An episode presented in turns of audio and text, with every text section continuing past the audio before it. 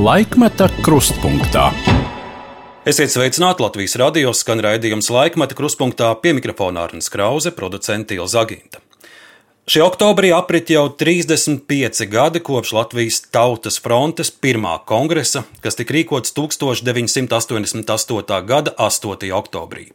Dienu pirms lielā notikuma tiek izdota informācijas lapa Atmoda, un tajā Marina Kostaņecka un Jānis Rukšāns ir parakstījušies zem šādiem vārdiem. Tā stunda ir situsi. Šodien izšķiras viss. Beidzot ir radusies iespēja nomest staļinisma un brežņevisma smago slogu. Tautas fronte aizstāv Latvijas pamatiedzīvotāju tiesības, kas likumīgi pieder katrai nācijai tās vēsturiski apdzīvotajā teritorijā. Tā stunda ir situsi šodien vai nekad. Šobrīd jau izaugušas vairākas paudzes, kuras par atmodu un tautas fronti var uzzināt vien no skolas vēstures stundām vai dokumentāliem raidījumiem. Bet ļaudis, kas bija cieši klātesoši lielajos pārmaiņu procesos, šo mūsu neseno pagātni sauc par svētu laiku. Virkne atmodas kustības līderu ir uzrakstījuši savas atmiņas, un tajās tiek arī minēts, ka Jānis Škapars lielā mērā bija tieši tas cilvēks, kurš izstrādāja tautas frontes stratēģiju un taktiku Latvijas neatkarības atgūšanai. Pirms atmodas perioda Jānis Škapars bija Rakstnieku savienības literatūras kritikas konsultants, vēl pirms tam 16 gadus vadīja laikrakstu literatūru un mākslu, bet jaunības gados arī darbs komjaunatnē un kā partijas instruktoram viņa pārziņā kino nozare padomju Latvijā. Decembrī Jānim Škaparam apritēs jau 96 gadi. Viņš ar vienu ar asu prātu seko visām mūsu laikmeta norisēm, un raidījums laikmeta kruspunktā šodien ir ciemos pie Jāņa Škapara. Cārnikavas pusē tepat gandrīz ir gaujas iztaka. Škapar kungs, esiet sveicināti! Labdien! Kā jums šodien klājas? Klājas kā jau 96 gadniekam. Cenšos uh, šajā vecumā vēl cik tik iespējams arī pats kaut ko darīt, tad man labāka pašapziņa, ja tas nav jādara manai meitai, bet es varu pats padarīt. Pamat apgādē, lai sagādātu zāles vienmēr un tā ļoti rūpējās Inese, mana meita, un tā varbūt mana ir laba izdevība, ka viņa var savos gados daudz man palīdzēt, citādāk man jau protams, klātos grūtāk. Bet eh, šeit eh, kā es labi vēl tāpēc, ka pie dabas es dzīvoju, un es tomēr stādu pa savu uzdevumu katru dienu pāris reizes izmest pamatīgi loku dabā. Tas ceļ veselību. Škaparkungs, tad, kad jums bija 80 gadu jubileja, nu jau pirms 15 gadiem, toreiz jūs intervijā teicāt, ka ļoti svarīgas ir kustības, gan garīgas, gan miesīgas es saprotu, ka jūs ar vienu esat kustībā un katru dienu. Es eh, domāju, mazliet citādāk. Es domāju, ka eh, garīgais eh, un tas, ko domā smadzenes, ir jālīdzsvaro ar fizisko, tas, ko dara kājas un rokas un tam līdzīgi. Cilvēkam, vismaz tagadējā vecumā, man pārliecība ir jākustās, lai viņš dzīvotu. Tas veicina asinsriti un uh, tas veicina visu nu, organismu arī darba spējas. Es esmu vienmēr bijis par to, ka garīgais uh, ir jālīdzsvaro ar fizisko. Un es saprotu, arī ilgus gadus viena no tām fiziskajām aktivitātēm bija arī pelde. Vairākas tādas aktivitātes, pelde, jā, pelde. Man iemācīja kaut kā, es mācījos Tukuma vidusskolā un mani kāds eh, peldētājs iemācīja peldēt kraulā. Tas ir tāds diezgan pagrūts peldēšanas veids, kur galvā bieži jābūt zem ūdens. Ir. Es beidzu peldēšanu pagājušā gadā, tas sakot, visu mūžu esmu peldējis. Škaparkungs tajās reizēs, kad man ir iespēja šajā raidījumā tikties ar ļaudīm, kuri pieredzējuši vēl pirms kara Latviju, es pavaicāju arī viņu spilgtākās bērnības atmiņas no pirmās brīvvalsts laika. Jums tās droši vien saistās ar Remtes un Zantes pagastiem, ar mājām Vedzaļumi un Mirtes tukuma pusē. Tā ir jūsu bērnības dienu zeme, ja? Jā, es dzimis Remts pagasta veczaļumos, un dažas atmiņas man palikušas tādas, bet tas ir īpatnēji, ka bērnības atmiņas paliek, kas ir tās pilgtāks izdarīts. Un uh, man, man, man bija dažas apkaunojušas tādas lietas, kas man apkaunoja manu vīrišķību jau toreiz. Bet es biju pavisam maziņš, kā divi, trīs gadu vecs, laikam bija.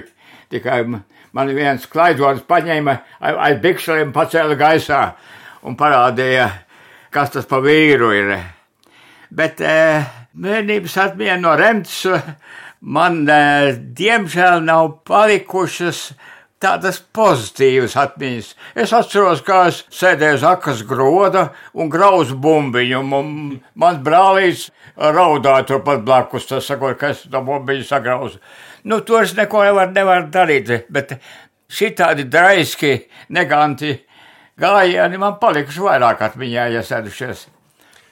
Škaparkungs, vai jums ir atmiņā palikusi arī fronte? Nu, frontes jūsu dzīvē ir bijušas vairākas, gan tautas fronte, gan uh, gan literatūras un mākslas fronte, bet jūs jau pieredzējāt savām acīm arī īstu karu un īstu fronti, kur esot bijusi vien pāris kilometrus uh, no jūsu mājām, kurzemes katra laikā. Jā, mēs jau tā dzīvojam Zantes pagas mirtēs, tā ir mazantē, tāds Zants ciematiņš. Un um, no sākuma mēs redzējām padomju okupāciju un kara sākumu, tad pēc tam Es atceros kara dienas, jo valdīja vācieši tajā laikā, e, vācu kārtība. Tā bija jāsaka barga kārtība, bet uh, bija jau tādi gadījumi, ka tu esi turpat ka kaut kur ārpusē, ārpus mājiņas, un tur mūsu ielijā nokrīt granāta, ko, kas nākus no frontes. Nu, tas bija 4-5 km fronte no mums.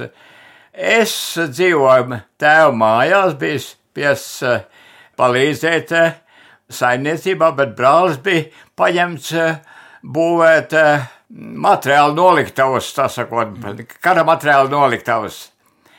Tā kā mēs bijām kaut kādā veidā abi, visa ģimene bija saistīta. No, tas dzīves laiks bija bīstams. Mēs redzējām ar kara pēdējo dienu. Mēs visi uztraukšos bez jēgas, gaidījām, kad nāks eh, tagad Krievu karaspēks iekšā, jo bija zināms, ka viņš turpat aiz pļaviņas jau pulcējās. Un tad redzējām ar Krievu karaspēka ienākšanu, ka, ka viņi ienāca mūsu mājā un visādi tur bija, tur cilvēki bija daudz, kas no tā cieta uzreiz, tā kā kara sākumu un kara beigas mēs redzējām nu, tūplānā gandrīz vai. Jā, mums nācās man un citiem zemniekiem, es vedu zirgu, un zirgam dubļains bija ļoti tas pavasars. Un mums ar tiem zemniekiem nācās ar saviem zirgiem vest uz ierukumiem munīciju frontē. Mēs uz zirgu muguras uzsēž to muguru, un mēs zirgus vedam pie rociņas. Un tas jau bija kā, kā pēdējā posmā. Ļoti dubļains bija. Tad mēs bijām pavisam tuvu frontē, tā sakot. Škaparkungs, es skatos 1941. gada tautas skaitīšanu Zantes pagastā, un tur es atrodu arī Škaparu ģimeni.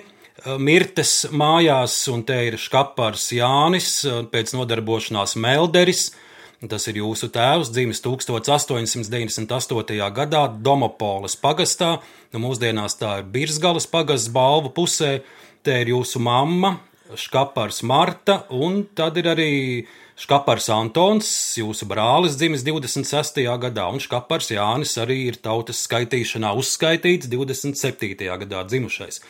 Jūsu vecāki ir, ir, ir nākuši no Latgales puses. Kāds ir tas stāsts, kādēļ škapari pārcēlās no Latgales uz kurzemi? Pārcēlās ļoti sen.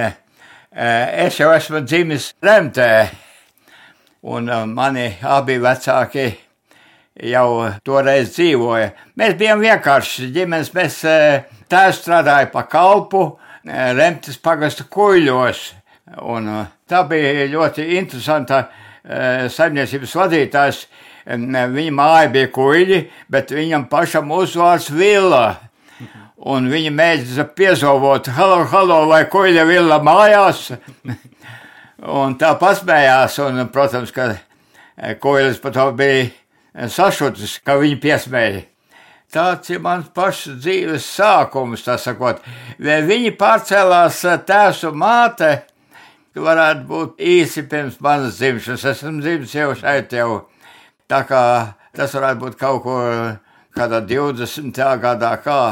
Es domāju, ka bija kādā no tiem gadiem kāds lielāks darba spēka pieprasījums, tā sakot, un varbūt arī saimnieciskā politika kaut ko virzīja uz to, Eh, viņi iepirka tās Remtes pagastāta māju, kur vēlāk tā bija pirmā krīze laikam pasaules. Viņi zaudēja šo māju, tas, ko nācās pārdot, tas sakot. Bet, Škaparkungs, es skatos, ka balvu pusē ir ļoti daudz škapari. Vai jūs tur kādreiz esat sazīmējis, vai kādas radu līnijas jums balvu pusē no škapariem ir palikušas? Ziniet, eh, man ar to jau eh, teica, kad kad eh, tur daudz skaparu, tas sakot, nu tik tiešām dzima, dzima tā vesels ģimenes, vesels bariņš maziņo. Grūti iztika, grūti dzīvoja, bet laida pasaulē ļoti daudz latgalē. Bet jūs esat dzimis kurzemē, vai, vai jūs vairāk sevi kā kurzemnieku uzskatāt, vai tās latgaļu asinis arī dot pa sevi manīt kādreiz? Man grūti pateikt, kā mani uzskata. Es domāju, ka kā mani uzskata kā kurzemnieku. Un eh, skolas gados, eh, kad es mācījos Blīdenes eh, pamatskolā, man teica, ka man esot ļoti laba kurzemes valoda. Es nerunāju latgalisku akcentu, domāju, ka maz runāju, tā sakot. Un, un... Bet jūsu vecāki savā starpā latgaliski runāja vai kā bērnībā? Māte ar tēvu, nē, māte ar tēvu runāja tā. Tās bija jautas valodas, ko salika kopā. Kāds vārds nāca no Latgales, kā es bejādi kurzemes. Nu, tā, tāda raibāka valoda mazliet bija, bet, bet vecā māte, viņa runāja latgaliski. Kā jau es minēju, šajā tautas skaitīšanas uh, anketā mēs redzam, ka jūs esat bijuši divi brāļi. Jūsu brālis Antons, kāds ir viņa dzīves stāsts? Tur ir tāda lieta, es īsti vairs savā vecumā neatceros to ģimenes vēsturi, bet mans brālis ir dzimis no cita tēva. Māte mums abiem diviem ir ar Antonu viena, bet tēvi divi tur ir. Un viņš ir dzimis tādu laiku, vairāk kā gadu pirms manis. Un uh, kara laikā, es saprotu, viņš nokļuva pie vāciešiem, ja? Kara laikā viņš bija diezgan tāds atklāts ar muti, tas sakot, nu cik tad viņam toreiz jau kara laikā, kādā jau 18 gadu varēja būt. Un uh, tajā laikā ir liela ziņa pēc brīvvārdu, pašam brīvi izteikties. Viņš nokļuva Vācu nometnē. Viņš strādāja tur pie municijas sagādas un municijas būvniecības kara laikā. Viņš tur kaut kur eh, remtē, jeb, jeb, jeb, jeb kur strādāja, arī netālu no mums. Bet pēc tam Studgofā, ja tikai es nemaldos nosaukumā, izveidota tikai liela nometne, kur bija novietots ar brālis. Es to dabūju zināt pēc kara jau tikai. Un uh, Vācu armijā atkāpjoties, viņš ir gājis bojā. Kas ir tās, jūs jau minējāt, tur tās, tādus dažus uzplaiksnījumus, kas, kas ir tas skaistākais no bērnības, kas jums ir palicis atmiņā, jo cik es intervijās lasu kopumā jau, es saprotu, tā dzīve Ulmaņa laikos jūsu ģimenei bija diezgan grūta un pieticīga.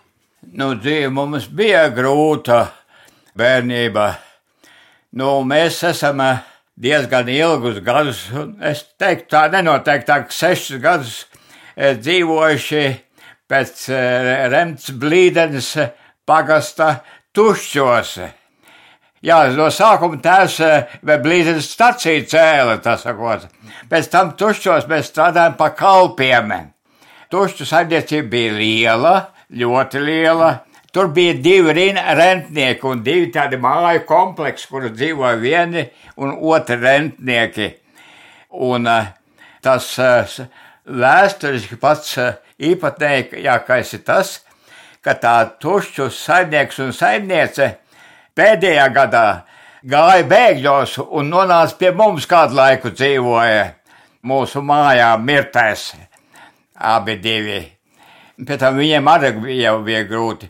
Mēs esam tā visu laiku smagi ar līdzekļiem kulušies, smagi ar materiālo pusi kulušies. Tas laiks bija grūts, ārkārtīgi grūts, tur nav ko runāt. Škaparkungs kopš Latvijas Tautas frontes dibināšanas aizritējuši nu jau 35 gadi. Mēs runājām pirms brīža par kara laiku, par jūsu bērnības gadiem, tie 30. un 40. gadi, bet Tautas frontes dibināšana nu jau arī ir diezgan tāla pagātne, vai ar vien šīs frontes dibināšanas kongresa epizodes jums ir tās spilgti acu priekšā, vai tā jau arī jums ir tāda tālāka pagātne? Viņa ir gan spilgta, gan arī tālāka. Gadi jau kaut ko dzēš, gadi dzēš asos stūrus viens otru un tam līdzīgi, bet tautas fronte ir manas dzīves tomēr tas spilgtākais posms.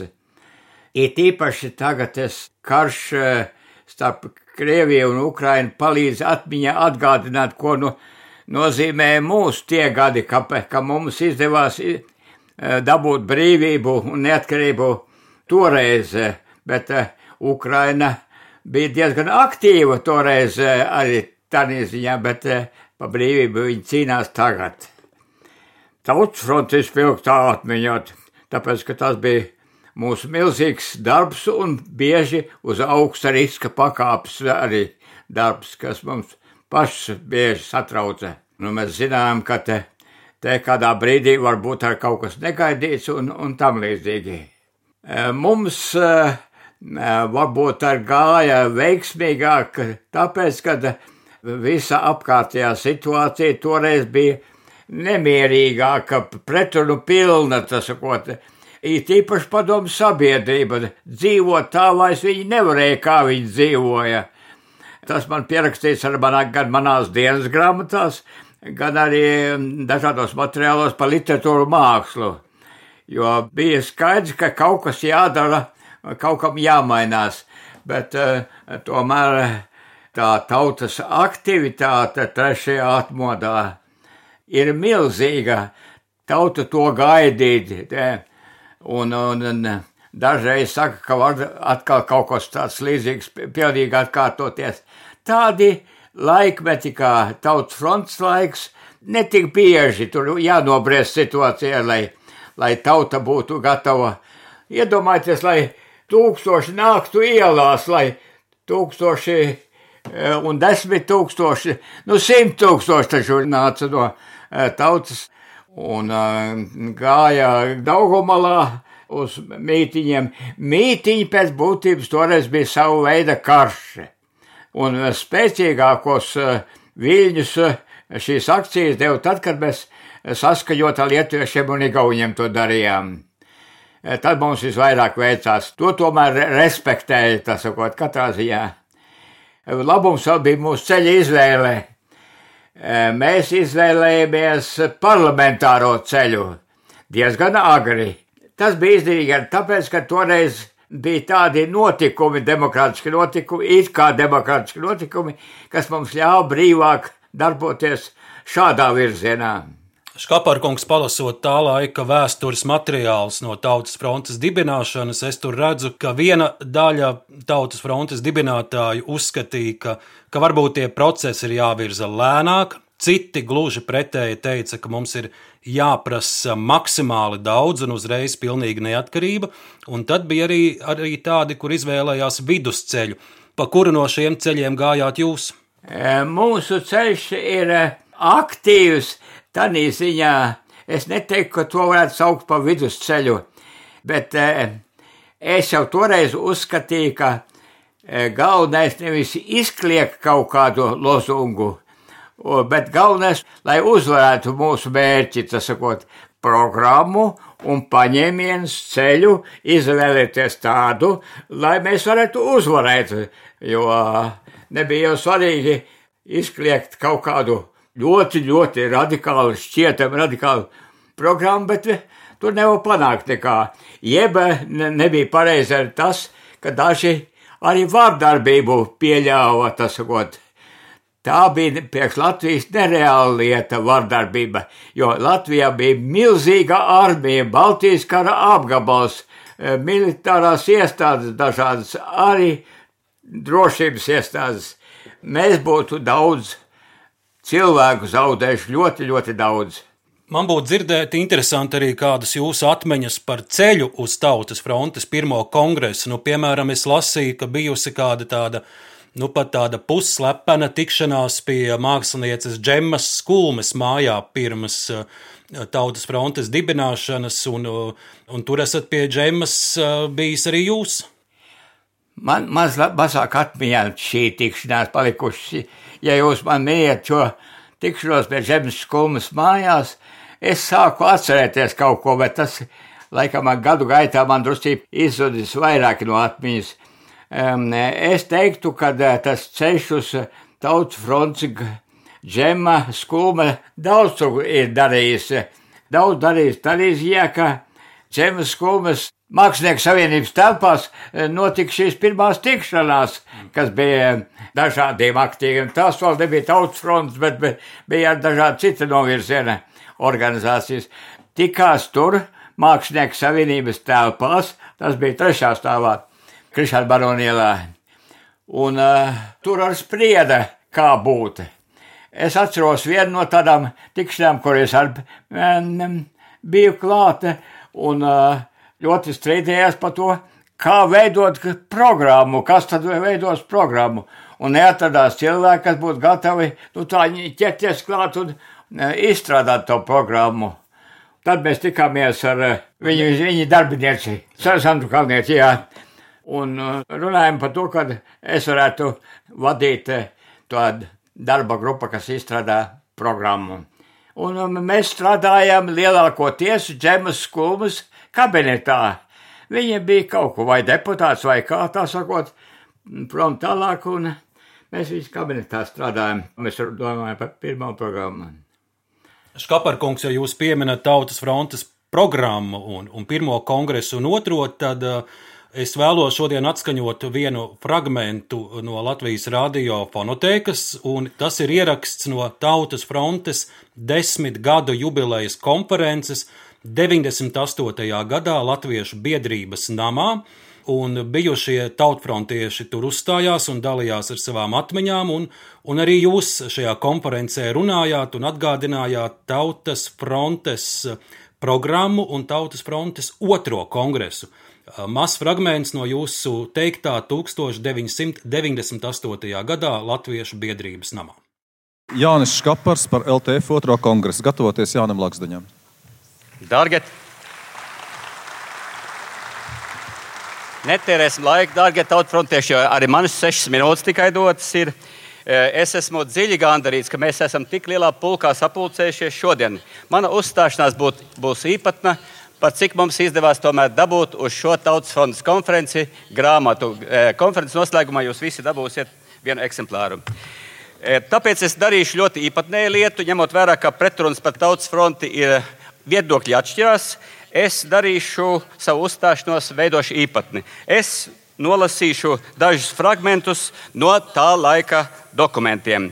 Vispirms man ir jārunā par otro kongresu. Un es domāju, ka otrais kongress atšķirībā no iepriekšējiem, no pirmā, bija raksturīgs ar to, ka otrais kongress lika pamatus tai Latvijai, lika pamatus, es saku, tai Latvijai, kāda mums patreiz ir neatkarīgai, demokrātiskai Latvijai. Mēs varam runāt par to, ka daļa no ideāliem nerealizējās, bet tomēr, tomēr.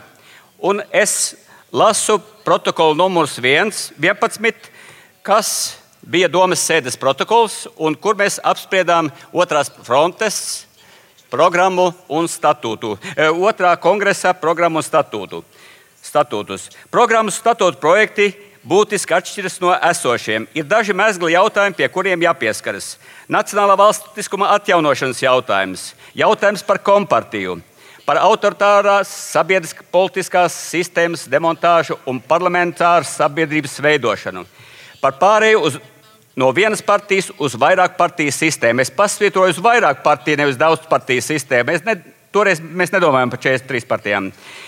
Par vissavienības uh, vispār politisko un visavienības resoru demontāžu, par ekonomiskās neatkarības nodrošināšanu, tā skaitā kon, um, koncepciju par īpašumu un tā formu daudzveidību, Baltijas tirgus izveidi.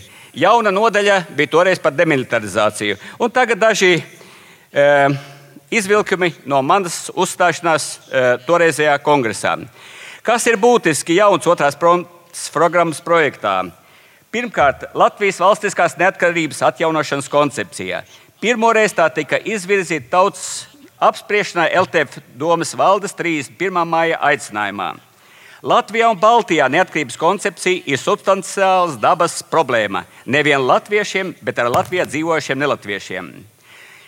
Arī Padomu Savienībai un pat citiem reģioniem Latvija vēl nav ne izstājusies, ne paziņojusi par izstāšanos, bet sabiedriskā doma ir sakarsus no jau tā vien, ka šis jautājums tiek cilāts. Īpaši nervozitāte ir pārņēmusi valdošās aprindas.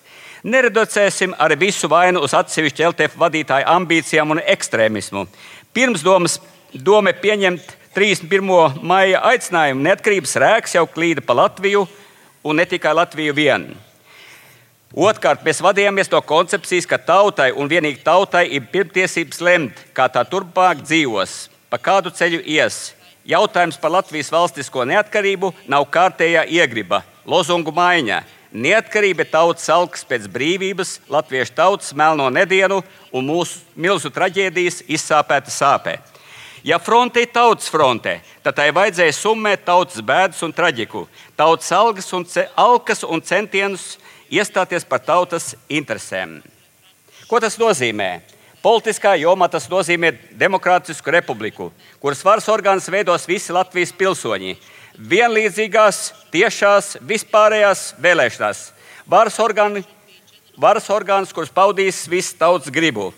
LTF cīnīsies pret vienas partijas, vienas ārotbiedrības, viena resora diktot, diktātu un monopolu cīnīsies par vairāk partiju izveidi un tiesiskām garantijām, vispār par cilvēku iespēju daudzveidību.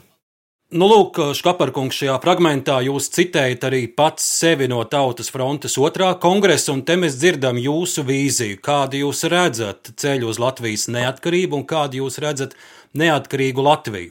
Es esmu runājis ar vairākiem bijušajiem tautfrontiešiem arī šajā raidījumā, un viņi, diemžēl, tagad ar nožēlu secina, uh, ka toreiz ļoti ātri tos ideālistus uh, pabīdīja malā. Tad, kad Latvija atguva neatkarību, tad uh, tautfrontieši vairs tā īsti dažkārt nebija vajadzīgi. Tad sākās visas privatizācijas lietas, un pie varas nāca ļaudis, kuriem tie ideāli, par kuriem jūs runājāt no tautas frontes tribīnas, vairs nebija tik svarīgi. Jā, šis laiks pēc uh, tautas frontes jau pēc Latvijas neatkarības nodibināšanas, pēc otrā kongresa, ir pagājis mainoties situācijām, jo viens no jautājumiem, būtiskiem jautājumiem, privatizācija, daudzus ideālus pārņēma savās interesēs, detalizēja un pārvirzīja uz, uz attiecīgo spēka interesēm. Vēl blakus, vēl ir viens no jautājumiem, kas mums bija ļoti akūts Latvijai. Tas ir okupācija un citautiešu daudzums Latvijā. Tas ir ārkārtīgi liels šis procents, un um, pat tiem gadiem, gandrīz, man liekas, 50 gadus valdīja Maskava uh, Latvijā. Latvijā ievies ļoti spēcīga citautiešu ietekme. Viņiem bija lielākie īpašumi, un viņiem bija lielākās bagātības, lielākie uzņēmumi bija viņu rīcībā. Un deformēja šī procesa gaitā daudz, daudz ko. Bet pamatos man, kā vienam no tautfrontiešiem spēlē lielu lomu tas, ka mēs esam tomēr brīvi, tomēr pamatos mēs atbrīvojamies no, no Maskavas saitēm. Un arī šis pēdējais posms, pēdējais karš, kas mums tepat aiz robežas notiek, liecina, ka tā bija liela lieta, ka mēs, mums izdevās uzvarēt. Kaut gan teikšu, ka daudzos gadījumos mums nācās iet uz kompromisiem, tur, kur varbūt citādāk it kā nevajadzētu tā būt, bet e, mums vajadzēja panākt, lai Latvija ārpus PSRS būtu. Tas, ko, tas bija pats, pats galvenais. Es domāju, pats kaitīgākais bija tas pēc otrā pasaules kara, ka Padomju Savienība būtībā ieviesa centralizētu Maskavas varu visās tā saucamās republikās. Škaparkungs, jūs pieminējāt citautiešus, tas, ko es dažkārt dzirdu no cilvēkiem, kuri saka, ka jā, mēs bijām krievi, bet mēs toreiz arī gājām uz demonstrācijām Krasmalā, mēs balsojām par neatkarīgu Latviju, un neatkarīgā Latvija mūsu krievus tā kā atstūma. Ko jūs redzat, kā mums vajadzēja, kā tā, saka tagad, integrēt uh, citautiešu, vai mums vajadzēja daudz ātrāk arī uh, skolās pāriet uz apmācībām latviešu valodā, vai mums vajadzēja daudz aktīvāk stāstīt par savu vēsturi, lai mums nebūtu mūsu vidū joprojām arī tik daudz cilvēku, kuri skatās Maskavas virzienā. Vēl aizvien arī tagad. Mums vienkāršāk vajadzēja ar daudz ko rēķināties. Jebkurā karā jārēķinās ar spēku samēriem. Man liekas, tā jāvērtē arī tie notikumi, tas būtībā, lai tas ir karš politiskajā līmenī, bet eh, arī tas bija karš, un bieži tas pārvērtās par eh, karu īstenu karu. Tas, sakot, sevišķi var teikt, tas bija pirmajā Latvijas neatkarības gadā, 1991. gadā. Bet ko jūs redzat, kā mums vajadzēja Latvijā dzīvojošajiem krieviem un, un citām tautībām, kā viņus mums vajadzēja iesaistīt, lai ar vienu nebūtu tik daudz cilvēku, kuri nav lojāli pret mūsu valsti arī šodien? Es gribu teikt, ka mēs eh, citautieši vairāk iesaistīt, aktīvāk iesaistīt, ka eh, nevarējām, kā to darījām, jo mūsu pašu spēki bija nepietiekami. Eh, es gribu teikt, mūsu pārākums bija tas, ka latvieši atmodās pirmie. Tāpēc latviešu aktivitāte bija milzīga. Tie, kas dzīvo tajā laikā, atcerās, ka kāda izskatījās Daugavas krastmalā, Daugavas tilti tur Rīgā un, un, un viss tās sanāksmes latvieši atmodās pirmie un bija ļoti spēcīgi savā atmodā. Bet ko mums darīt ar tiem citautiešiem, kuri vēl ar vienu nav atmodušies un, un skatās tikai uz Putinu un, un Kremli? Ko ar viņiem darīt? Kā viņus atmodināt? Es lieku lielas cerības, un ne tikai cerības, bet arī eh, redzu faktos, kad eh, pauģu maiņa daudz ko izšķiras. Es domāju, ka eh, jaunās paudzes runā latviešu, mācās latviešu, un tagad jau ir liels atbalsts daudziem, kas saka, ka skolās mācības notiks latviešu valodā tikai. Arī no krievu skolām, arī no krievu, tā sakot, inteliģences daļas bet eh, viena daļa vecās paudzes, kas ir. Eh, Sauksim to par Rubika paudzi. Ko ar tādiem kā Rubiks eh, darīt, vai viņu kaut kāda domas vēl var ietekmēt, vai, vai viņi dzīvo un dzīvos savos priekšstatos? Jā, jūs man diezgan tādu jautājumu, kur man vajadzētu kā radikāli apšaus jau nevajadzētu, izdzīt visus ar nevarēs, kaut kas jau paliks, pat tādus, kurus mēs nespēsim atklāt. Tā kā jābūt arī savā ziņā pacietīgiem. Es savu vecumu dēļ varu teikt, ka paudzes ir daudz ko izmainījušas, pilnīgi daudz ko izmainījušas. Par Rubika komandu, kas Rubikam tuvi cilvēki bija, jājautā, cik viņi bija ideoloģiski pārliecināti, jo ja viņi ja viņi bija simtprocentīgi par to, ka viņi tikai ar austrumiem kopā, tas ir kā o, galvenā orientācija ir austrumi, tad jau pagriezt uz rietumu pusi viņas vecos cilvēkus, vecos cilvēkus, es domāju, sevišķi, kam jau, jau ir 50, 60 un uh, vairāk gadu, vairs nevarēs. Daļēji viņi atmirs. Es domāju, ka krievu ģimenēs ir dažādi, ka viens ģimenes loceklis runā tā, otrs tā. Vēl Škaparkungs par šo jūsu runu Tautas frontes desmitgadu jubilejas konferencē.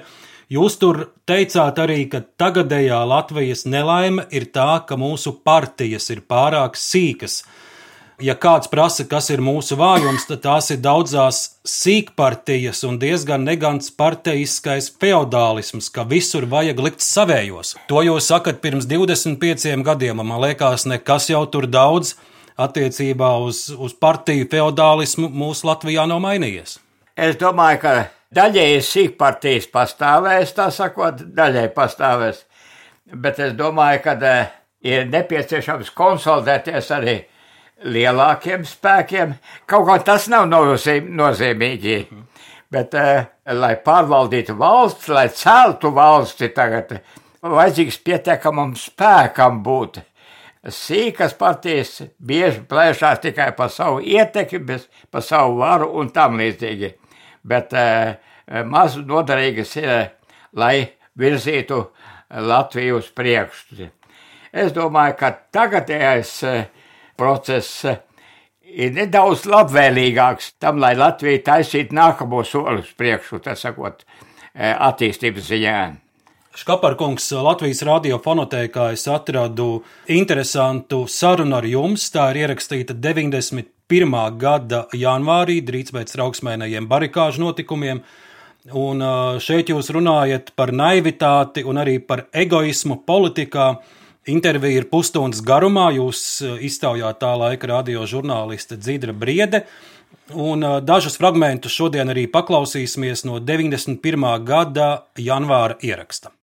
Vai jūsu vidū ir arī liekais balasts? Cilvēki, kas nu, it kā ar labu gribu ir iekļuvuši, bet profesionāli tomēr viņi nav spējīgi neko labu dot. Ziniet, labi, ka jūs uzdevāt šādā asā formulējuma balasts. Un es tāpēc varu varbūt arī e, krasāk atbildēt. E, es negribētu nekad teikt, un nevienā kolektīvā es to nesaku, ka šī daļa ir balasts. No jūsu puses tas pareizi uzdots jautājums ir, bet es negribu teikt, ka ir balasts. Balasts esmu arī es, jo es neesmu profesionālis. E, es kaut kur nesu līdzi arī lielu pagātnes nastu, arī domāšanā, arī vārdos, arī izteiksmē. Un daudzās lietās es nesu pagātnes slogu līdzi, un mums ir daudz deputāti arī tādi. Mēs it kā krasi uzstājamies pret totalitārismu, ja, pret veco režīmu. Mums vajag radīt jaunu demokrātisku sabiedrību. Bet mēs nesam tik daudz totalitārismu paši sevi iekšā. Patiesībā, jo krasāk daži uzstājās, jo vairāk jūti, ka viņš tikpat totalitārs kā agrākais ir. Ja viņam izdosies nožmiegt veco, tad viņš radīs kaut ko jaunu, visai līdzīgu tam. Tā tas notika pēc tā saucamās oktobra revolūcijas, arī, kad carismu gāza, bet carismes nāca tā vietā.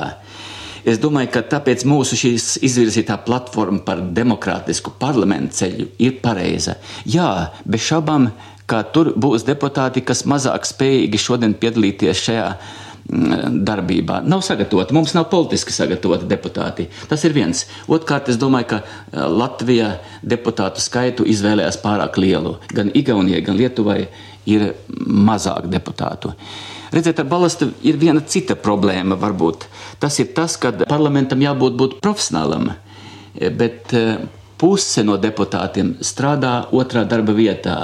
Viņiem nav galvenā vieta šeit.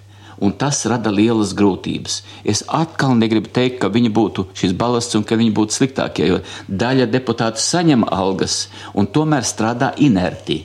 Ir deputāti, kas mums ir inerti, stipri inerti strādā.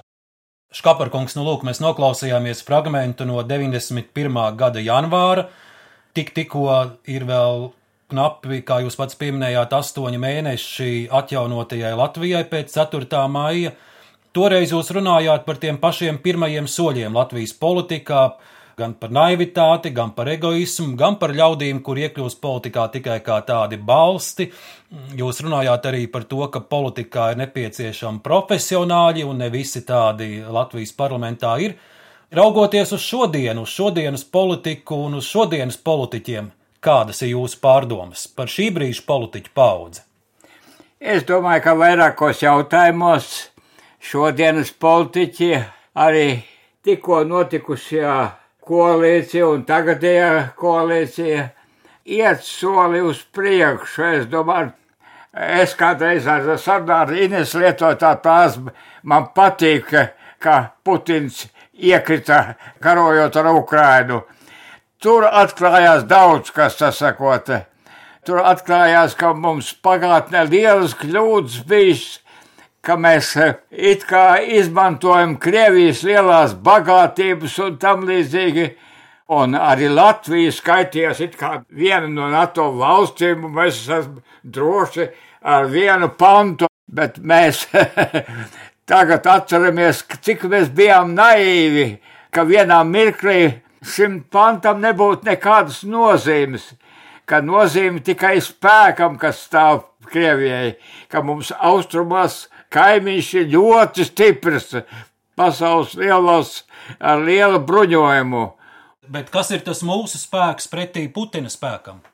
Tagad uh, lielākais iegūms ir tas, kad uh, atmodās NATO valstis, kad uh, jābūt ne tikai uzrakstītiem pantiem pa vienošanos, bet jābūt reālam bruņojumam, reālai vienotībai, jābeidz uh, dzīvot ar Krievijas naftu un gāzi. Ir īpaši kļūda, es domāju, tā, ka cēla lielo jūras vadu, naftas gāzes vadu. Un tagad gan ekonomiskie sakari, gan sevišķi bruņojuma ziņā mēs esam daudz stiprāki.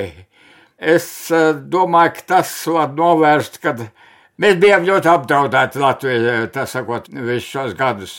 Jo Krievija varēja uzlikt cietāku ķepu mums jau drīz vien, tas sakot. Un Škaparkungs, labi, ka jūs pie šī posma nonākat, jo mans nākamais fragments, kur es gribu atskaņot jums un klausītājiem, būs no 91. gada augusta. Un tās ir ļoti trauksmainās puča dienas, kad arī mūsu vēsture un mūsu valsts liktenis varēja pagriezties pilnīgi savādāk. 91. gada augustā jūs intervējat Zintris Kolāts un arī mazu fragmentu šodien paklausīsimies. Man būtu interesanti. Uzmanību raida Latvijas rādio. Turpina raidīt Latvijas rādio. Pareizais laiks ir astoņi šobrīd. Mēs turpinām programmu par eh, galvenajām aktualitātēm eh, Latvijā, Padomju Savienībā, svarīgākiem pieņemtajiem dokumentiem šai sakarā par starptautisko rezonanci. Mūsu programma It sevišķi naktas raidījumos tas bija sastāvējis galvenokārt no faktoloģiska materiāla, kas kur noticis, kā kur attīstās dažādi procesi, galvenokārt pie mums un Maskavā. Eh, droši vien ir jāizmanto laiks arī zināmai šo faktu sistematizācijai un analīzei. Un tāpēc mēs esam lūguši uz uh, savu tradicionālo telefonu interviju šobrīd uh, Latvijas Republikas augstākās padomas deputātu, uh, Tautas pašvaldības un sabiedrisko lietu komisijas priekšsēdētāju Škaparkungu. Uh, Škaparkungs man pašlaik dzird, un es arī dodu viņam vārdu. Tātad lūdzu. Maskava šī nakts ienesa lielas izmaiņas, jo notikumi lik, uh, risinājās ar pārsteidzošu steigu. Eh, notika izmaiņas arī centrā Maskavā. Tas eh, liek ienest jaunus akcentus ar mūsu eh, republikā. Es domāju, ka šobrīd glābt no šīs situācijas, kad grib saimniekot armija, omonieši un visādas citas militārās vienības, var glābt tikai viens. Tas ir tauta. Un vakardienas notikumi pie šeit augstākās padomas pievārtē pierādīja, ka tauta var palīdzēt mums iznest visu slodzi. Un es gribētu minēt tādus notikumus, kas mums stāv šodien priekšā. Tas ir streiks. Tas ir ģenerāls streiks, kur mums vajadzētu piedalīties burtiski visiem. Un šodien streikā jāizvirza vairs ne ekonomiskas prasības, bet šodien streikā jāizvirza pavisam noteikts politiskās prasības. Vispirms, lai armija izvācās no visiem tiem objektiem, kurus viņi ir ieņēmusi. Lai armija aiziet savās nometnēs, lai viņi sāk dzīvot tur. Tas ir pirmkārt. Otrkārt, lai pārtrauc darboties omonieši. E, treškārt, jāprasa, lai e, katrā ziņā pilsēta būtu tīra, lai pilsēta atkal saimniekot likumīgā varā. Un pēdīgi, es domāju, ka ir jāprasa nekavējoši sodīt arī šos pučis. Nekā citādāk mēs nevaram viņus saukt kā tikai un vienīgi par noziedzniekiem.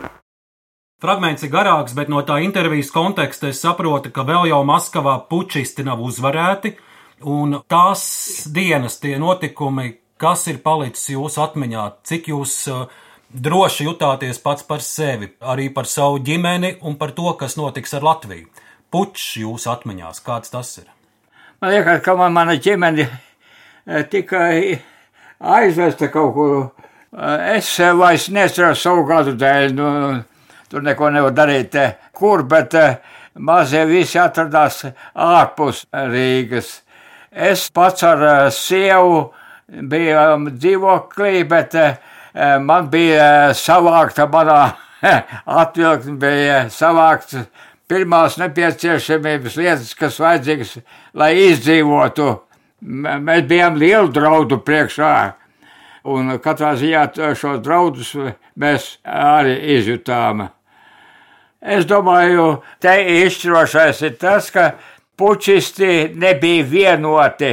Es domāju, tur bija spēku un pretspēku lieli, spēku un pretspēku cīņa, bet eh, mēs kā maza valsts varējām ciest eh, arī ļoti smagi. Tas manā tajā uzstāšanā jūtām šī trauksme. Un streiks bija savu veidu cīņas metode, kā mums parādīt, kas aiz mums stāv, tā sakot, vai mēs esam tikai atsevišķi, ja tā ir tauta. Tauta mums vajadzēja, lai justu tautas spēku. Mums cits izējas nebija. Škaparkungs šajā intervijā Latvijas rādio jūs tolaik pieminat arī vienu no galvenajiem pučistiem Latvijā, galveno Alfrēdu Rubiku, un jūs sakat, ka ir jāvēršas pret omoniešiem, pret armiju, bet arī pret Rubiku. Kā jūs redzat, kā tā dzīve izvērtās tālāk? Vēlāk uh, Alfrēds Rubiks kļūst par Eiropas parlamenta deputātu, saņēma lielo Briseles pensiju, un, lūk, piemēram, viņam tā neatkarīgās Latvijas dzīve izvērtās šādi. Es domāju, ka kompromisi piekāpšanās šiem spēkiem bija pārāk liela. Es domāju, ka austrumu ietekme un dažādo spēku ietekme uz mums bija ļoti liela. Mēs nebijām tie, kas varēja noteikt Rubika tālāko likteni. Rubiks bija vajadzīgs Maskavai ja jebkurā gadījumā tas sakot. Un viņi tā arī atbalstīja. Man eh, detaļas par Rubiku vairs nestāv atmiņā, bet katrā ziņā Rubiku mēs redzējām kā ļoti aktīvu pretspēku progresam un tautas frontē, tā sakot. Škaparkungs, man ar jums ir interesanti sarunāties, jo jūs esat pieredzējis tiešām ļoti dažādus Latvijas vēstures laikus, gan Otro pasaules karu, gan, gan tautas fronte un puču un barikādes un, neatkarības atgūšanu, bet jūs esat pieredzējis arī 50. un 60. gadus, un sarunas turpinājumā es nedaudz vēlos iztaujāt jūs arī par šo posmu. Es skatos, ka 19 gadu vecumā, 48. gadā jūs iestājaties komjaunatnē. Un tālāk jūsu ceļš ved arī beidzot Latvijas Universitātes juridisko fakultāti. Jūs kļūstat par Rīgas medicīnas institūta komjaunatnes sekretāru, vēlāk arī par centrāla komitejas instruktoru un skolu daļas vadītāju vietnoku. Kāds bija jūsu ceļš stājoties komjaunatnē? Kādi bija tie apsvērumi to darīt? Lai es teiktu, ka bija kaut kāds mans ceļš, to ir grūti pateikt. Sakot. Patiesībā tās bija mm, autoritāra, ļoti autoritāra, ļoti centralizēta aparāta iespējas, kas, eh, ko tas radīja. Es iestājos juridiskajā fakultātē, jau beidzu juridisko fakultāti. Pēc fakultātes beigšanas man kaut kā nenozīmēja darbā, tas sakot, Tad bija tāda kārtība, kad komisija visu sadalīja darbā, un uh, mani nenozīmēja darbā. Es nesapratu, kāpēc, bet uh, mēs ar uh, balvo sievu bijām juristi, tā sakot, un es gribēju turpināt. Man bija tomēr liela tieksme pēc izglītības, turpināt vēl izglītību, pat pēc augstskolas beigšanas. Es gribēju mācīties aspirantūrā bet eh, man aspirantūru atteica tie vadītāji, kas tur bija, tā sakot, un eh, ka brālis esot ārzemēs. Eh, un ne tikai mans brālis, bet arī man mātes brāļi divi bija karojuši Vācu armijā. Es atceros, man, man mūžam palikusi atmiņā saruna pie Jurgena. Jurgens bija toreizējais Latvijas valsts universitātes rektors. Es teicu, bet vācieši taču viņi ar varu paņēma, ja valsts koncentrācijas nometnē viņš bija un, un tam līdzīgi. Jurgens man atbildēja tādus it kā nevajadzīgus vārdus, bet nevar zināt, ko viņš tagad dara rietumos, tas sakot. Un uh, es pamazām meklēju arī iespējas, kā pašam ieguldīt. Nu, cilvēkam vajadzīgs strādāt, ir cilvēkam vajadzīgs kaut ko darīt. Sakot. Tās iespējas, ko deva toreizējā vara, tās bija vienīgās, sakot. Un, lai pārietu, es, es nezinu, kurā gadā es iestājos komjaunatnē, bet, lai tiktu augstskolā, šis stiprinājums bija vajadzīgs, tā sakot lai priekšā būtu, kad es neesmu kaut kāds, sakot, kaut kur arī es iestājos komjaunatnē. Tā kā patiesībā, lai e, kā jurists e, kaut ko darītu, kaut kādu darbu dabūtu, vajadzēja izmantot to, ko autoritārais režims vēl atvēra kaut cik tos kanālus, kā strādāt un dzīvot un, un nesēdēt mājās. Škaparkungs, es atrodu 91. gadā lauka avīzē Viktora Avotiņa teikto par jums. Viņš vērtēja arī jūsu gadus uh, komjaunatnē un partijā, un Viktors Avotiņš 91. gadā saka šādus vārdus. Škapars nebija revolucionārs, viņš vienkārši centās būt godīgs. Jā, reiz viņš bija pārliecināts komunists, atteikties no tā viņam nozīmēja ne apmest kažoku uz otru pusi, bet gan iekšēju traģēdiju tā Viktors Avotiņš 91. gadā par jūsu dzīvi eh, komunismu sistēmā. Droši vien pats jau jūs labāk sev varat noraksturot, vai jums tā bija kažoka apmešana, vai iekšēja traģēdija, vai vēl vispār kas cits. Tā nebija kažokā apmešana. Es tomēr strādāju literatūrā, mākslā un tiku daudz analizējis arī ideoloģiskās platformas un tam līdzīgi arī manās dienas grāmatās jau parādās momenti, kad, kur es e, saku, ka tas neatbilst vairs patiesībai un e, minu tās iekārtas platformas. Tas ceļš ir pakāpenisks. Es domāju, ka lielu tādu piegādi man deva tas, ka man atbrīvoja 85. gadā no literatūras un, un mākslas. Un es biju tomēr cieši saistīts ar latviešu radošo inteligenci, tā sakot. Un um, nebija es vienīgais, kam brieda šī pretestība pret veco režīmu, tā sakot. Es domāju, tas ir tādas eh, šīs iekārtas pretestība pret, eh, pret, pret tautu, pret demokrātiju un pret republikām. Eh, tas bija redzams un tam līdzīgi. Tā kā šis process ir grūts, un tas ir mans jaunības process, kur es arī mēģinu atrast savu vietu. Sakot, es domāju, ja 16 gadu literatūrā, mākslā palīdzēja man daudz jautājumus noskaidrot arī pašam, kurus varbūt es līdz galam nepazinu. Viktora Avotiņa teiktais par godīgumu un, un tam līdzīgi revolucionārismu Nu, grūti pateikt, tā sakot. Mēs esam atšķirīgi ar Viktoru. Kaut kā Viktors bija mans vietnieks eh, literatūrā mākslā. Man diezgan sarežģīts vietnieks man bija. Mm -hmm. Bet viņš var visai. Tas mans ir pakāpeniskais ceļa meklējums manā dzīvē. Un mana galīgā izvēle ir pēc 85. gada, tas sakot, kad 86. 7 un galīgi 88. gadā, kad mēs jau strādājam. Bet Škaparkungs vēl paliksim tajos laikos līdz 85. gadam, un lai mana paudze labāk saprastu, kāda tolaik bija arī tā ideoloģiskā dzīve. Šeit ir viens piemērs. Es atradu laikrakstā Rīgas balss rakstu no 1968. gada, un raksta nosaukums ir Partijas sapulce Rīgas kinostudijā. Un mazs citāts. Partijas biroja sekretārs režisors Dunkers pārskata ziņojumā ar lielu atbildības sajūtu runāja tieši par ideoloģiskā darba jautājumiem. Mūsu uzdevums ir radīt tādus mākslas darbus, kas pauž komunistiskās sabiedrības ideālus un pasaules uzskatu, veicina komunisma celtniecību, nostiprina padomju cilvēkā patriotismu. Komunistiem kinostudijā jābūt vadošajam spēkam, un tālāk kinostudijas direktors Lepeško pārskata referātā uzsver, ka studijas kolektīvs pašlaik strādā, stingri apzinoties politiskās cīņas sāsināšanos starptautiskajā arēnā tieši ideoloģiskajā laukā. Pārskata sapulcē piedalījās Latvijas Komunistiskās partijas centrālās komitejas instruktors Jānis Škapars.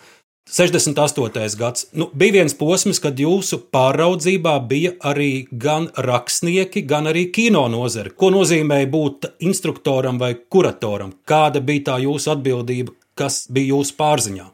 Kuratori bija eh, sastāvs, kam bija jāstrādā, jāraksta paskaidrojumi par to, kā šī organizācija strādājas un tam līdzīgi arī jāsaskaņo jautājums par jauno vadību un tam līdzīgi ar eh, centrālas komitejas vadību. Instruktora pakāpē zemākais posms, tas ir posms, kam jāraksta dokumenti un atskaites un tam līdzīgi. Tas ir tāds eh, darbīgs sastāvs. Vēl es paraugoties uh, atmiņās, lasu. Jums ir bagāts materiāls. paraugoties atmiņās, es lasu, piemēram, ko ir teicis leģendārais kino režisors Rolands Kalniņš. Viņš saka, ka ļaunu mums škapars nevēlēja. Atceroties to posmu, atmiņas par škaparu kā centrāla komitejas instruktoru, rakstnieku un kinoļaužu uzpasētāju ir tādas, ka viņš bija disciplinēts partijas līnijas ieturētājs, bet tāpat laikā centās mīkstināt pret kārtējo grēkāzi vērsto triecienu. Kino studijā mēs viņu pazinām kā ekvilibristu no Vingrotā ielas. Vingrotā ielā atradās centrāla komitejas nams. Un tātad ir šie Rolanda Kalniņa vārdi. Ļaunu viņš mums nevēlēja, bet bija disciplinēts partijas līnijas ieturētājs. Rolands Kalniņš tā jūs precīzi raksturo. es domāju, ka viņš varētu mēģināt samērā pareizi. Jau nevarēja jau ne, ne tā politika bija tik centralizēta, ka kaut ko atšķirīgu jau uz skapar domas jau viņš nevarēja paust sevišķi tādā, kādā sapulcē un tam līdzīgi. Tā kā Rolands Kalniņš to saka, jā? Jā, jā. Ne tā kā Rolandam Kalniņam varētu būt kaut kur taisnība.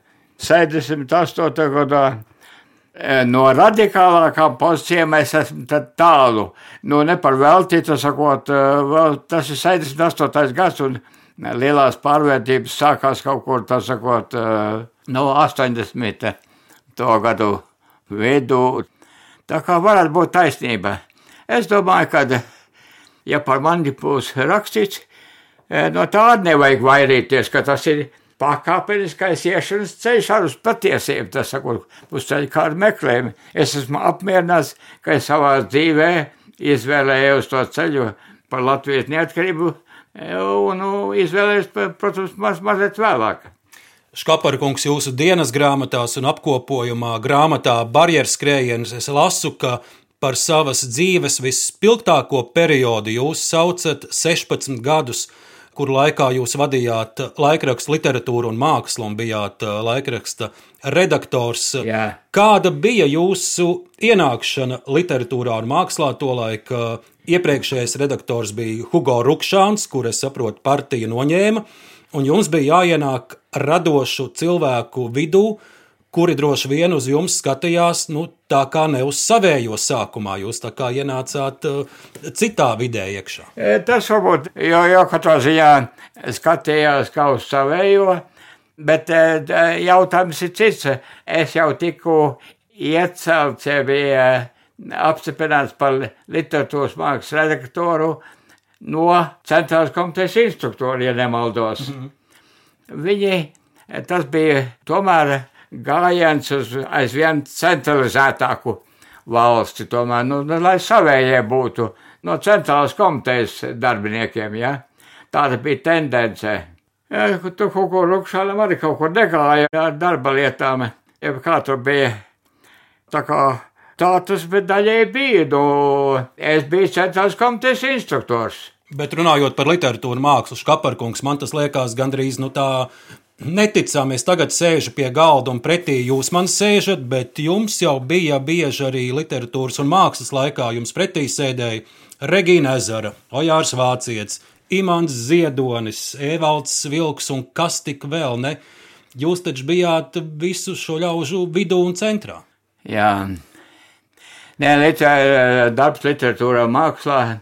Es domāju, ka ir mans lepnums, tas sakot, es domāju, tas mans liels posms, gan ne ļoti grūts posms, sevišķi pēdējā laikā, kad literatūra māksla iznāca vienreiz nedēļā, man liekas, un mūs, mēs pastāvīgi atradamies arī vadības centrā, tā sakot, ar savām publikācijām. Mēs arī devām satīrisko materiālu avīzes vidū, kas šaustīja dažādas negācijas ļoti bieži. Mēs jau neslavējām vadošo iekārtu, mēs runājam par problēmām, tā sakot, un pie tam devām, ļoti bieži mēs devām tās slavenības, ko jūs minējāt, sakot, Man, man pašam bija interesanti šie kontakti gan ar Imants Ziedoni, gan ar Ojāru Vācieti, gan ar citiem tā laika slavenībām, arī ar Regīnu Ezeru un tā. Es pats eh, tiku uzrakstījis laikam arī tādu grāmatiņu eh, par rakstniekiem. Tā kā es biju iegājis ar, ar visu sevi tajā dzīvē, kādu dzīvoja radošie, eh, kā es saucu, tā sakot, un literatūra māksla jau pastāvēja, laikam sešas toreiz bija radošās savienības, un mēs arī no sākuma literatūra mākslā dzīvoja kādā trešā stāvā, Krišāna Barona ielā, kur atradās uh, rakstnieku, mākslinieku uh, un savienība, un vēl laikam bija kāda no savienībām. Tā kā mūsu saites bija ar radošiem labas, ļoti labas, ciešas saites. Man, man šis albums ar atsauksmēm par to liecina. Es atceros vēl tādu uh, gadījumu, kad mani pa daudz jau vajāja, kad uh, dienā publicē to un vakarā mani sauc goris uz uh, kafiju, kur tīri, kāpēc tā, kāpēc tā. Tajā laikā pat viena vārda pārrakstīšanās, jeb kas skaitījās kļūda, kur tevi par to tramdīja ļoti, ļoti cieši. Es atceros tādu gadījumu, kad es pa daudz jau biju dīdīts un, un spiests. Man liekas, tas bija 83. gadā, un eh, notika mūsu, laikam, eh, vadošā orgāna eh, sanāksme, un es paziņoju par savu aiziešanu. Es atceros, es satikos to pēc šīs sanāksmes ar aizmirsušo personu. Viņa bija tur locekle. Un viņa man pienāca klāt un teica, jums to nepiedos tas, kas aiz, aizieš. Jā. Tā kā tās pretrunas jau toreiz bija pilnīgi asas. Škaparkungs, jūs pieminējāt uh, Aivaru Gori. Viņš tolaik bija Latvijas Komunistiskās partijas centrālās komitejas kultūras nodaļas vadītājs. Un 91. Uh, gadā lauka avīzē ir uh, publicēts raksts Kalpadēls, kur bija tāds plašāks apraksts par jums, un dažādi cilvēki izsakās par jums, un arī Aivars Goris raksturo jūs, un lūk, kāds citāts no viņa. Škapars spēja stāvēt pāri radošajā inteliģencē tik ierastajām kaislībām un grupējumu ķildām. Škapars noturēja avīzes kolektīvu radikālismu reālos iespēju rāmjos, lai konflikts ar vadību nebeigtos ātri un avīzē nāvīgi. Redaktora opozīcija Viņa prāt nevērsās pret sistēmu, bet pret dažu vadītāju politiskā stulbuma izpausmēm. Škapars darīja reālu darbu un izvairījās no uzticības apliecinājumiem un tukšām frāzēm. Tā Aivars Goris 91. gadā jūs raksturo. Aivars Goris izgāja kaut kādus augstākās vadības kursus Maskavā. Par to es esmu vairāk kārtīgi rakstījis. Un pēc Maskavas tās apspriedes viņš pārvērtās. Pilnīgi sāka prasīt visu tā, kā tas ir rakstīts partijas dokumentos. Tas bija pilnīgi jūtams, par to es rakstu arī savā dienas grāmatās un tam līdzīgi.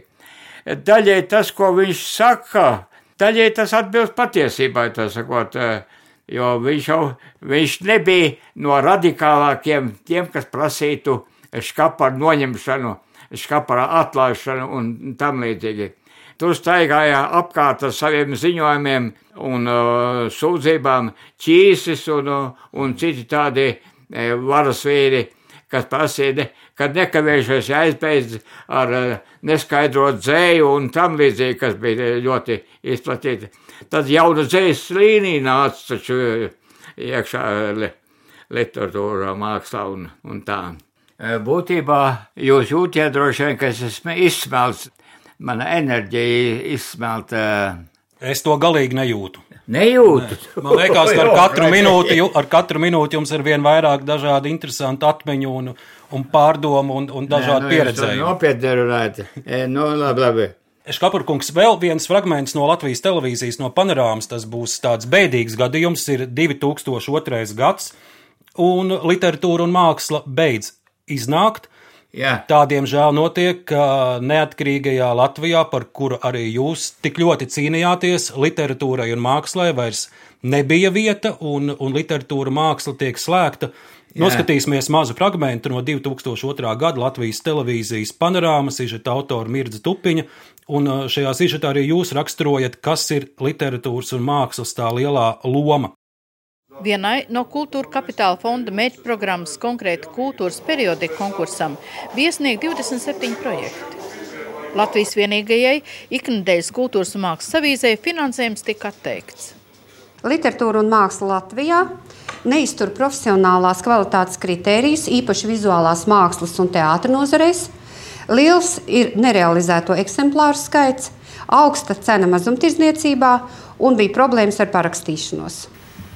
Vislielāko atbalstu ieguva izdevumi studija, karoks, mūzikas saule, māksla plus un teātra vēstnesis. Bet avīzes, kuras pirmais numurs iznāca pēdējā kara gada, 45. gada janvārī, tieši pēc 57 gadiem, miera laikā tiek likvidēta. Literatūra un māksla pie mums lasa ļoti daudz. Un ļoti bieži ir tā, ka viens lasītājs ir nodevis jau avīzīti, kad nāk jau nākamais un atkal pieprasa numuru. Man tas vispār satriec šis jaunums ka nebūs avīze, jo mēs bez viņas nevaram iztikt. Mēs aizvakar, godīgi sakot, bijām pavisam ausis nolaiduši un pavisam bēdīgi. Bet vakar mums eh, nepārtraukti zvanīja telefons. Un šorīt atrada e-pastā no Gundara ķeniņa Kinga atbalstu. Turieties, jums ir katrā ziņā jāiznāk. Nu, grūti pateikt, kā liktenis var pavērsties. Nu, šobrīd liekas, ka tā ir pilnīgā bezcerība, jo glābt varētu vienīgi nu, neiedomājams brīnums. Viņa būtībā izcirta ceļu uz trešo atmodu. Tas ir literatūras mākslas izcilais nopelns. Un patreiz man liekas, nav citas ceļa, nav cita, uh, citas izējas, kā vienīgais ir sabiedrībai jāpalīdz literatūra mākslai. Un kā sirdsapziņas urdītāja literatūra māksla ir nepieciešama. Vai jums pašam, protams, droši vien bija skumīga un bēdīga literatūra māksla, kas bija liela daļa no jūsu dzīves, 2002. gadā pārstāja iznākt? Kādēļ vairs uh, šim laikrakstam nebija, neatradās vieta? Tas ir politisko pārvērtību un uh, politisko izmaiņas arī rezultāts. Es domāju, tie bija uh, Latvijas gadi, kad Latvija bija totāli aizrautā ar saviem ekonomiskiem risinājumiem, ar saviem īpašumu risinājumiem. Un es domāju, tas ir Es ne, nevaru teikt, vai tieši 2002. gadā, bet katrā ziņā tas ir neatkarīgās valsts sākuma posmā, taču šīs aizrautības bija lielākas, un, un ja starp politiskiem spēkiem nav tādu spēcīgāku atbalstu arī tie, kas var izdalīt ar finanses, dot segumu un tam līdzīgi, tad acīm redzot arī, arī laikrakstam grūti pastāvēt ir, ja? Es domāju, ka vēl ir kāda nelaime. Es eh, skatos arī mūsu tos politisko avīžu darbiniekus, eh, kas eh, pārgāja. Nu, es domāju, Andris Jakubāns. Mm -hmm. Nu, pārgājis ar Ēriku Hārbergu strādāja, vadīja neatkarīgajā rīta avīzē, tā sakot, tā, tā cīņā tā saucamā. Jā.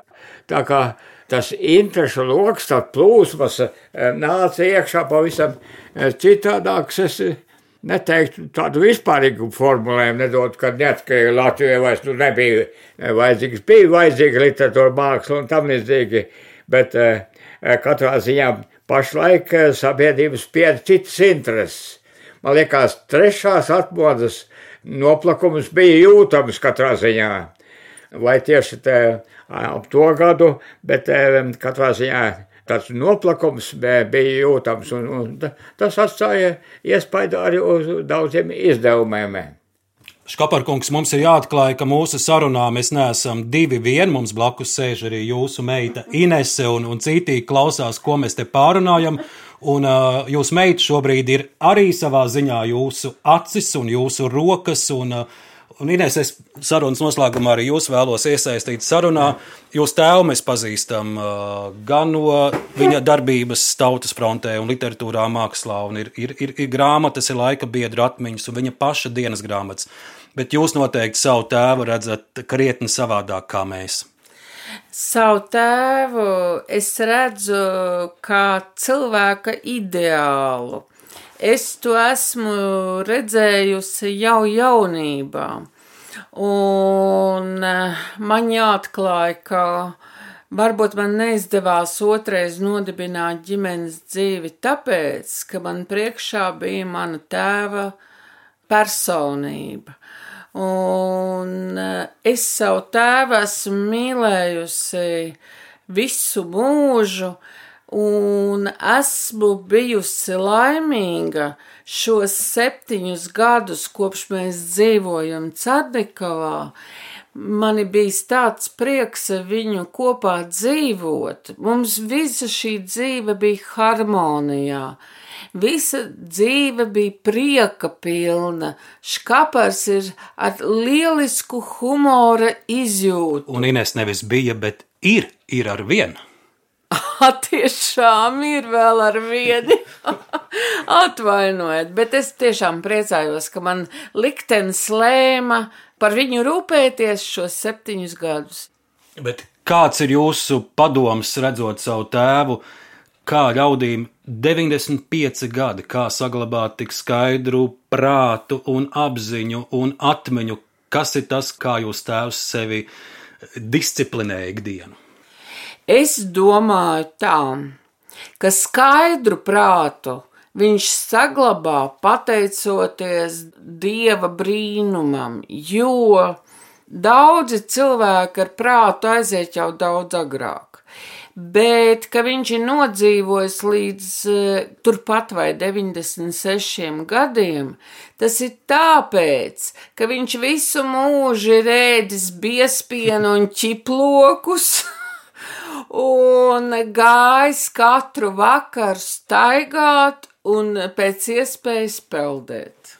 Škaparkungs, es uh, esmu dzirdējis, ka jums ar Dainu Ivānu esot bijusi tāda vienošanās, nu, līdz simt gadiem ir noteikti jāizdzīvo ilgāk gandies vai, bet, nu, līdz simt gadiem jūs esat abi apņēmušies, ka, ka, ka dzīvošanu. Jums ne, tādas... otrādē, mēs ar Daini teicām, ka es te, teicu, ka līdz simt gadiem es ne, nedzīvošu.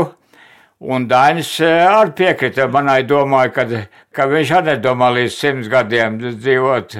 Tad tā ir eh, ne, tāda, mums jau ne saistība nekāda nav, mēs tur neko nevaram izdarīt. Mums tur nekādas teikšanas nav arī visā tajā lietā. Kā būs, tā būs.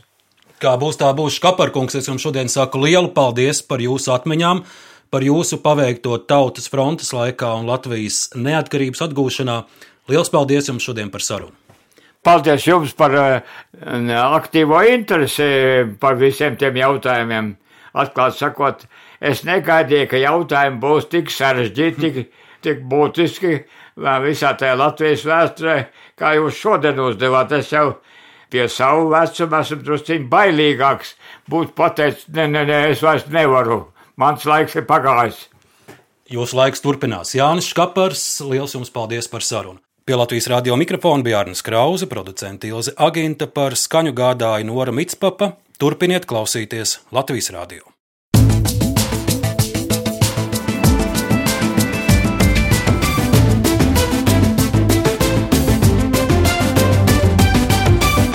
Laikmeta krustpunktā.